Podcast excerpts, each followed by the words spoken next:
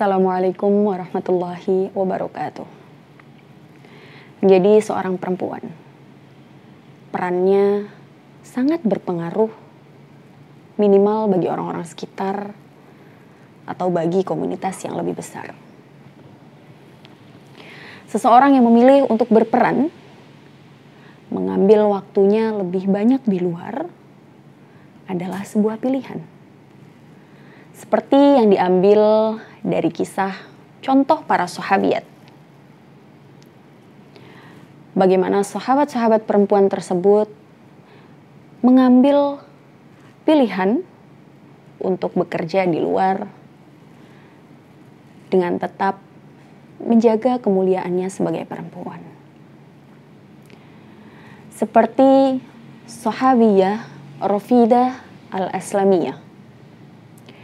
Beliau dikenal dengan tenaga ahli medis perempuan pertama dalam Islam yang di mana saat itu beliau diperintahkan sendiri oleh Nabi Muhammad Shallallahu Alaihi Wasallam untuk ikut andil dalam peperangan untuk menyembuhkan beberapa para sahabat yang terluka dalam peperangan perintah Nabi Muhammad sendiri terhadap sahabat Rafida al-Aslamiyah menjadi dalil bahwa sesuatu yang dilakukan oleh sahabat Rafida adalah boleh. Beliau akhirnya mengikuti peperangan yang dilakukan oleh Nabi bersama para sahabat dan menyembuhkan luka para sahabat yang terluka dengan ilmu atau kepiawaian yang dia miliki tentang medis. Begitu juga Halimah As-Sa'diyah. Kita sudah sangat mengenal nama tersebut. Seseorang yang berjasa untuk menyusui Kanjeng Nabi Muhammad SAW ketika bayi. Halimah As-Sa'diyah sendiri bekerja sebagai seseorang yang memberikan air susunya kepada bayi. Ini sebuah pekerjaan.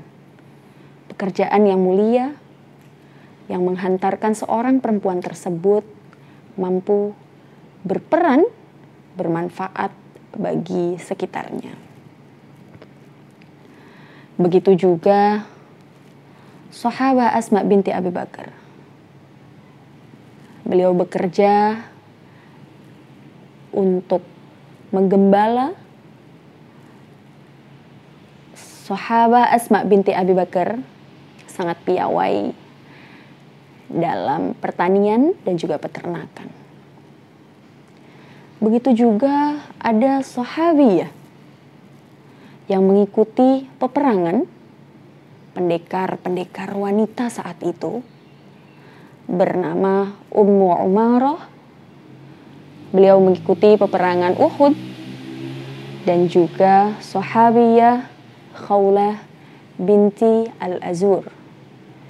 Beliau mengikuti peperangan Yarmuk melawan orang-orang Romawi.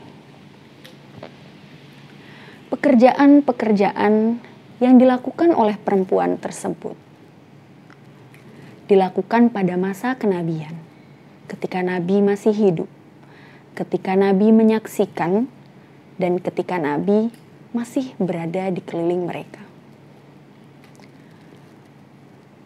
Nabi membolehkan, tidak memarahi mereka, bahkan memberikan izin kepada perempuan-perempuan tersebut secara langsung ataupun tidak langsung jika Nabi Muhammad melarang, bisa jadi Nabi memarahi dan menghentikan pekerjaan atau perbuatan yang mereka lakukan di luar rumah tersebut.